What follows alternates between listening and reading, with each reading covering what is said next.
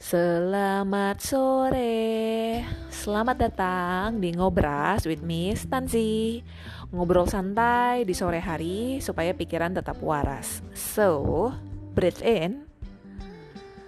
Breathe out. Relax and enjoy the audio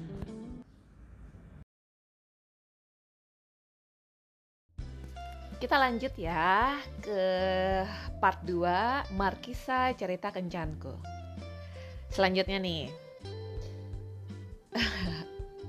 kalian coba ya berandai-andai kalau kalian lagi di posisi orang ini. Sebut saja orang ini um, siapa ya? Kevin.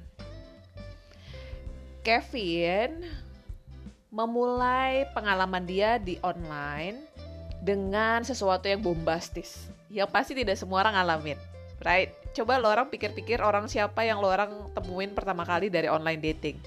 Banyak di antara kita yang pasti nggak inget, termasuk gue. Gue nggak inget gue dating pertama tuh sama siapa, gue nggak inget. Tapi gue yakin si Kevin ini pasti inget seumur hidup. Oke, okay? jadi dia merasa kalau oke okay, Tinder ini kayaknya cocok deh untuk memenuhi hasratnya dia, memenuhi desire-nya dia, jadi dia kasih kesempatan buat dirinya untuk cobain Tinder. Singkat kata dia udah chatting dan match dengan satu orang cewek. Cewek cantik. Cantik, terus juga agak-agak kinky. Yang menurut dia, uh perfect banget nih. Kayaknya cucok nih buat diterusin nih, gitu kan. Um, singkat katanya lagi, ceweknya tuh agresif ceweknya agresif, ceweknya itu pengen ketemuan, ceweknya itu tertarik sama orang ini ya masih Kevin dan ceweknya uh, mengajak Kevin untuk ketemuan di mana? Di tebak dulu, tebak. Coba. Jawabannya adalah di kamar hotel. Oke. Okay? di kamar hotel. Tapi dia minta si Kevin, lu yang booking ya. Nanti lu kasih tau gue aja nomor uh, roomnya berapa. Dan si cewek ini insist kalau dia itu tidak, dia nggak mau yang lain-lain lah, dia cuma maunya ML aja kok, maunya having fun aja. Yang which is memenuhi hasrat dari si Kevin, yang dari awal niatnya dia adalah untuk memenuhi desire-nya dia, right? Terus si Kevin kayak awal-awal mikir-mikir gitu, hmm, uh, uh, uh, uh, uh, uh, sampai akhirnya mirror-mirror on the wall. Apakah saya cukup oke okay nih cukup keren nih untuk bisa ketemuan sama satu cewek cantik, kayaknya beruntung banget. Terus si Mirrornya jawab, ya oke okay lah, lu boleh lah coba aja, nggak ada ruginya. Oke, okay. cus. Dia udah ngobrol sama kaca, terus akhirnya dia booking satu kamar hotel. Terus dia chatting ceweknya, ini ya room number gue. Terus gue nggak tahu dia udah persiapan apa aja. Lu tahu dong kalau orang tuh yang terlalu excited kan pasti agak-agak aduh ngecek ngecek apalah pakai pakai oh mungkin dia pakai body oil ya atau badan biar ototnya lebih kelihatan kan gue nggak tahu juga.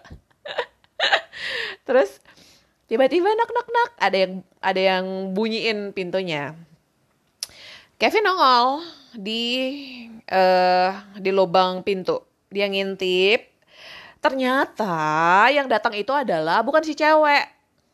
Yang datang siapa yang datang adalah waria. Jadi yang datang itu adalah waria. Dia kayak si Kevin kayak oh my god. Kenapa yang datang waria?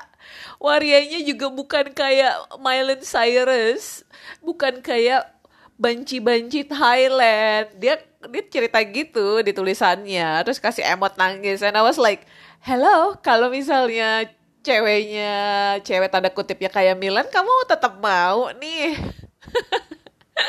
Atau ceweknya kayak banci-banci Thailand yang cewek tapi tetap punya dik kamu mau nih. Itu bakal ceritanya beda lagi. Cuma dia lucu ceritanya si Kevin tuh kayak tapi bukan kayak Milan bukan kayak cewek-cewek Thailand yang banci-banci Thailand.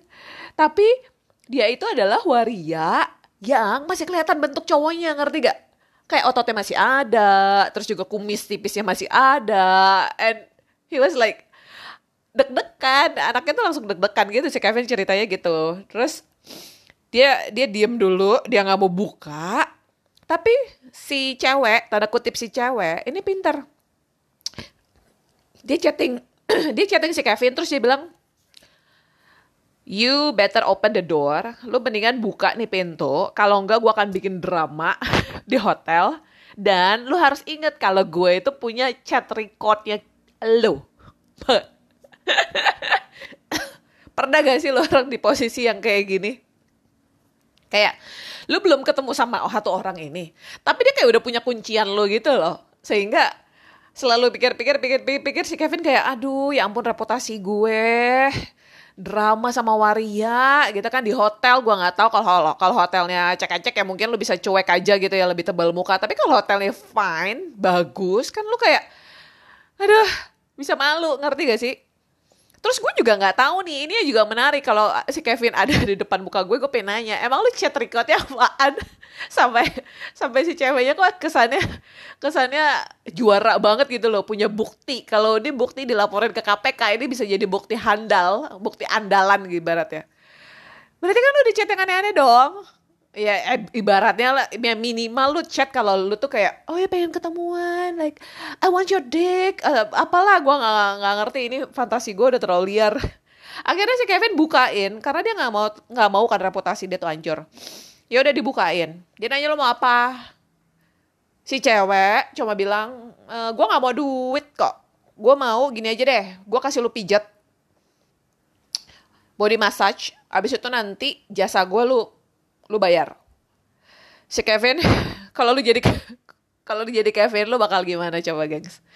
Coba lu kasih tau gue. A, apakah lu tidak akan membuka pintunya dari awal?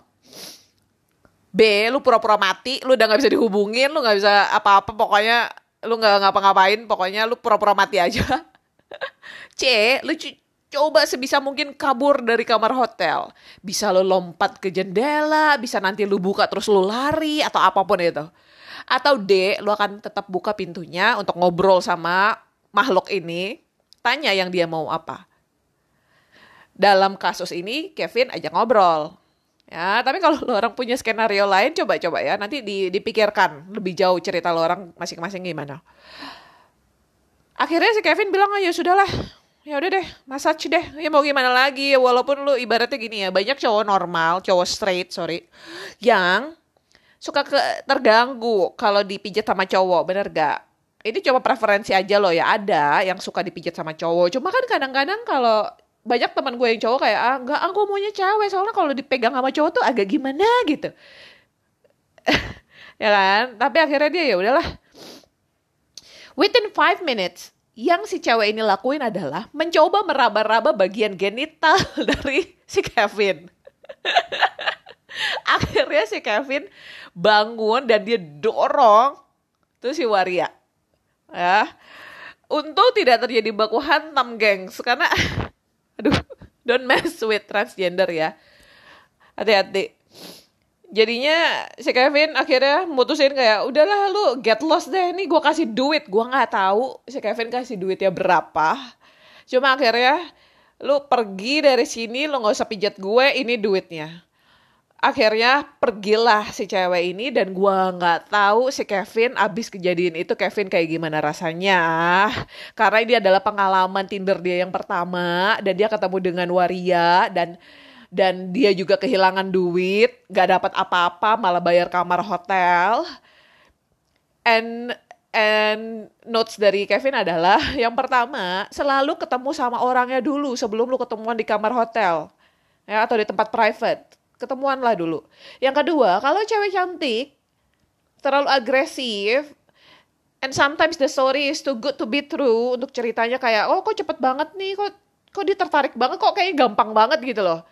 Good to be true lo orang harus ber, uh, punya apa ya curiosity dan tanda tanya. Bener gak sih? Jangan-jangan gak bener.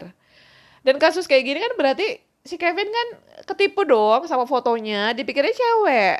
Ternyata transgender kumisan. Ya jadi jadi itu adalah pengalaman yang pastinya gak dilupain sama Kevin. Buat kalian di sana coba berandai-andai kalau jadi Kevin kalian bakal kayak gimana sih? ya and thanks Kevin anyway untuk ceritanya. Ini lucu banget sebenarnya.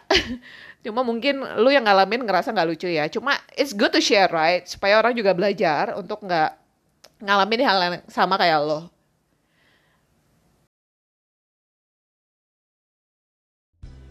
Berikut adalah cerita di mana uh, ini adalah cerita yang bikin kalian percaya terhadap humanity kemanusiaan. Kalau cinta itu ada, kalau tidak semua pria brengsek, tidak semua wanita itu jahanam ya. Cerita ini adalah cerita yang endingnya bagus. Happy ending dari online dating ya. Karena ada yang chatting gue kayak Elisa, ada gak sih kisah sukses dari online dating atau hanya semuanya itu aneh-aneh? Enggak kok, ada kok. Kalau Elisa menikah pun dengan pasangan Elisa sekarang, Elisa juga akan berakhir happy ending dari kisah online dating. Amin ya Tuhan. Oke, lanjut ya. Ini bukan kisah Elisa, ini kisah orang lain lagi. Jadi, tau lah ya namanya Tinder, apa sih yang gak aneh-aneh. Sehingga hmm, si cewek ini sebut aja namanya uh, pohon pinus asik si pinus dia setelah putus dari pacarnya kita benar-benar loh ya kita harus terima kasih banget sama mantan-mantan kita yang berguna atau tidak berguna yang berkesan atau tidak berkesan sama sekali. Karena apa? Karena itu yang ngebuat kita bisa berdiri sekarang dan menjadi lebih baik. Asik ya. Jadi si pohon pinus uh, dia explore Tinder beberapa kali ketemuan hasilnya nggak memuaskan aneh-aneh ya biasa lah ya kalau orang kayak ketemuan dengan orang yang aneh-aneh atau yang kurang kurang penting atau yang ngabisin waktu well akhirnya dia janjian sama satu cowok dan si Pinus ini punya ide brilian yaitu mengajak dua temennya lagi untuk nemenin dia nemenin gengs oke okay? dan jadi saat nemenin gue nggak tahu ya kayak lu harusnya janjian sama satu orang tiba-tiba pas lu datang ada tiga orang jadi beranak. Kalau lu jadi cowok atau kalau gue jadi cowok yang pertama gue pasin adalah gue akan cek dompet gue dulu. Dompet gue sanggup gak nih keluarin duit buat berempat nih tiga dari dia dan makanan gue? Ya dong karena karena kan jaga-jaga aja ya siapa tahu kan ceweknya nggak mau bayar atau atau apa gitu kan. Si cowok ngeliat dan langsung kayak hah? Absolutely he he looks very disappointed. Kecewa banget. Kenapa janjian cuma kita doang kok yang datang lu sama teman-teman lo akhirnya saat mereka udah ngobrol-ngobrol-ngobrol si Pinus ngerasa oh ya cocok nih. Si Pinus akhirnya nggak enak hati. Si Pinus minta maaf sorry ya maksudnya ini caranya kurang tepat nih karena dia ngajak teman-temannya akhirnya mereka uh, kontek-kontekan kemudian mereka develop relationships uh, terus juga akhirnya mereka liburan bareng ke New Zealand dan lain-lain dan akhirnya mereka menikah mereka menikah, gengs. Maksudnya ya dating mereka ya nggak akan dilupain pastinya ya, karena kan dia ngajak teman-temannya. Yang which is itu cukup silly sih untuk dilakuin. Maksudnya ya memang kalau ada teman-teman kan itu bisa jadi kayak escape plane gitu loh. Kalau misalnya uh, things gone wrong bisa dibantu sama teman-temannya gitu. Cuma ya it's too much lah ya buat orang-orang ya kayak lu datang tiba-tiba tiga orang lima orang dan lu nggak kenal gitu kan posisinya pasti agak susah jadi ini adalah salah satu cerita yang sukses uh, terkait dengan Tinder akhirnya dia ketemu si Pinus ketemu dengan decent guy mereka develop relationship dan akhirnya mereka menikah sekarang. Ya cantik ya ceritanya tuh indah gitu loh. Tapi jangan disangka kisah-kisah kayak gini gak ada sandungan ya. Um, buat gue penting banget untuk kalian jadi orang yang decent dulu. Jadi gue gue gue pengen tuh kayak oke online dating memang semua orang bisa ada di sana kan, orang random. Dan kadang-kadang orang orang suka manfaatin uh, apa ya mereka lebih egois gitu loh. Kayak mereka pengen dapat sesuatu cuma nggak mau kasih gitu. Nggak mau ngasih yang terbaik cuma maunya yang terbaik. Nggak mau capek-capek cuma maunya orang yang capek buat dia ibaratnya gitu. Jadi try to be a decent person di di Tinderland atau di online dating sehingga saat kalian baik, decent, niatannya oke, tulus, jelas minimal niatannya ya. Tulus itu maksudnya kalian nggak terlalu banyak tipu-tipu gitu loh. Kalau memang mau having fun ya udah ngomong di awal having fun. Satu agenda gak enggak ya udah move on. Nggak ngabisin waktu. Daripada kalian kayak playing cards eh, terlalu banyak trik-trik gitu loh. Jadi kalian coba desain dulu, cari tahu dulu kalian maunya apa, arahnya mau ke mana.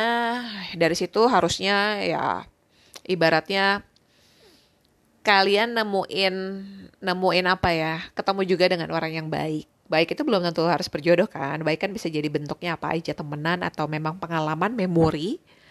Berapa banyak sih dari kita yang yang ketemu orang uh, terus jadi temenan di online dating? Mungkin banyak mungkin nggak banyak kan? Jadi setidaknya kalian pengen jadi orang yang yang yang orang tuh mau temenan sama kalian. Itu dulu deh. ya okay. thank you buat sharingnya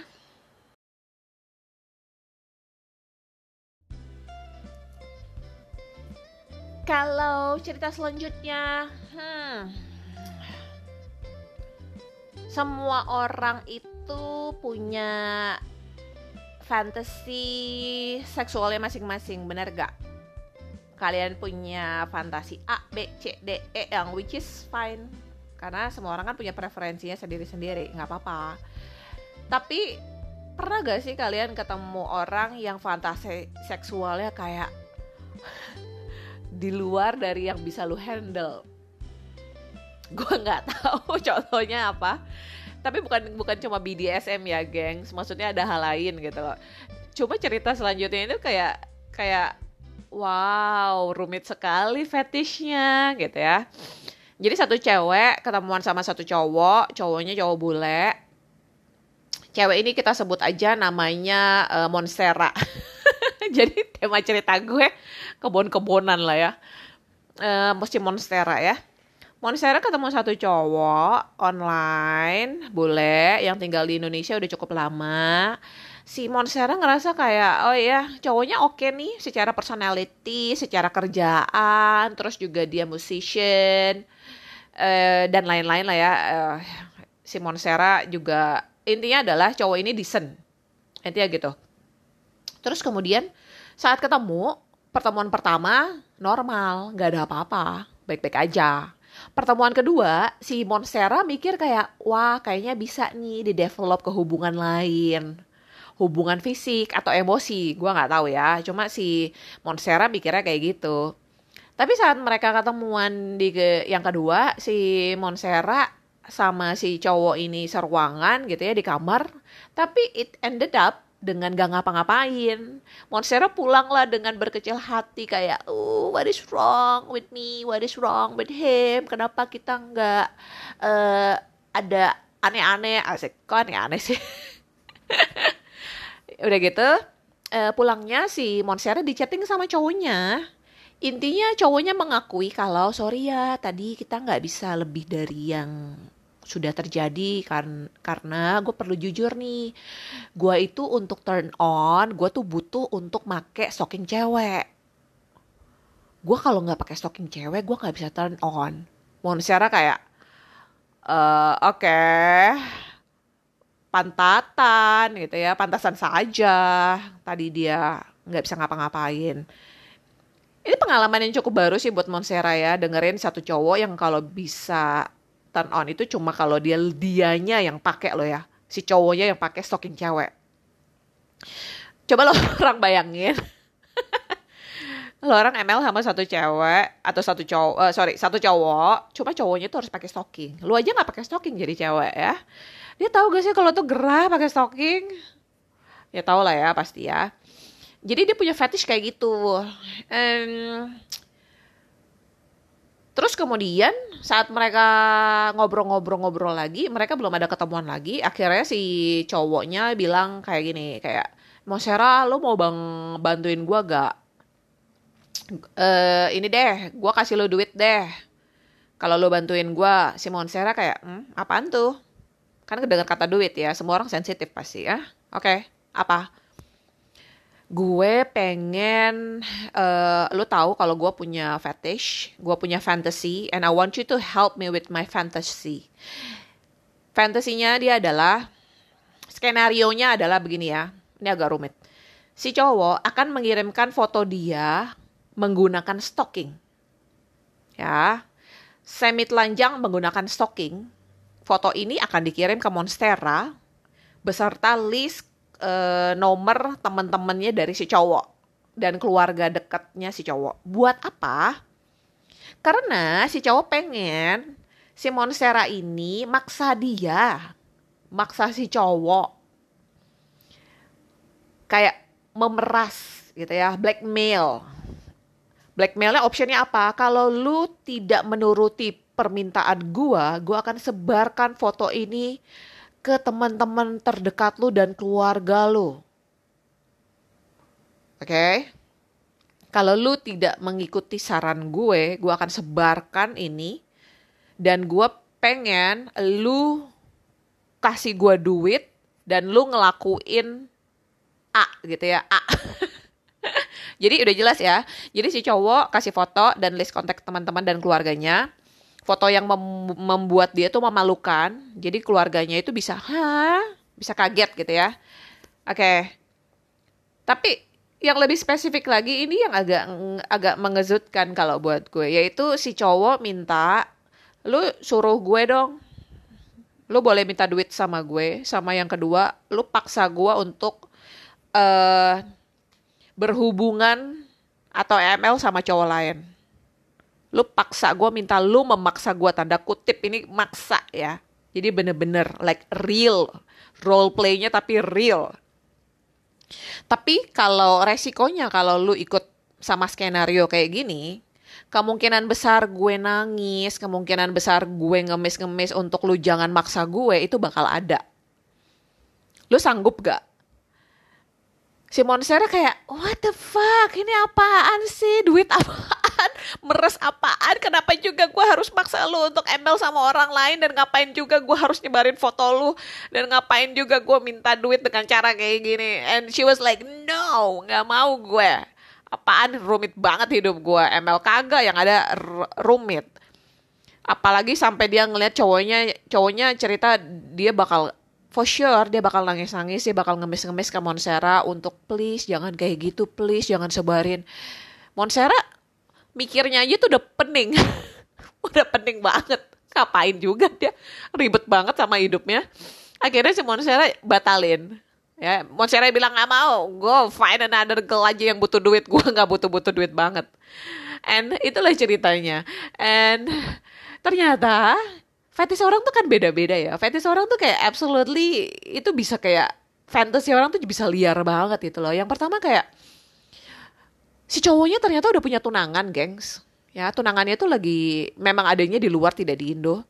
Dan tunangannya itu tidak tahu tentang fantasy ini jadi si cowoknya cerita setiap kali dia minta tolong ke orang lain, dia minta tolong dengan cara gini ya, online dating dan minta tolong. Syukur-syukur kalau orangnya mau. Kalau nasibnya kayak ke Monsera yang nolak dia mentah-mentah ya udah nggak apa-apa juga kan. Tapi kalau dia balik ke negaranya dia di Eropa, dia tuh bayar profesional untuk kerjain kayak gini. Jadi kayak dia benar-benar bayar orang untuk ngelakuin pemerasan skenario yang dia inginkan. Karena di sana tuh uh, ada ada jasanya untuk melakukan hal-hal yang kayak gini yang ngebantu untuk fantasy lo lah. Terus yang yang selanjutnya adalah kenapa juga dia punya fantasy untuk untuk ML sama cowok sih? Dia ngakunya dia straight gitu loh. Coba mungkin deep down inside he's not straight maybe. Ya gak sih kayak maybe he's in denial.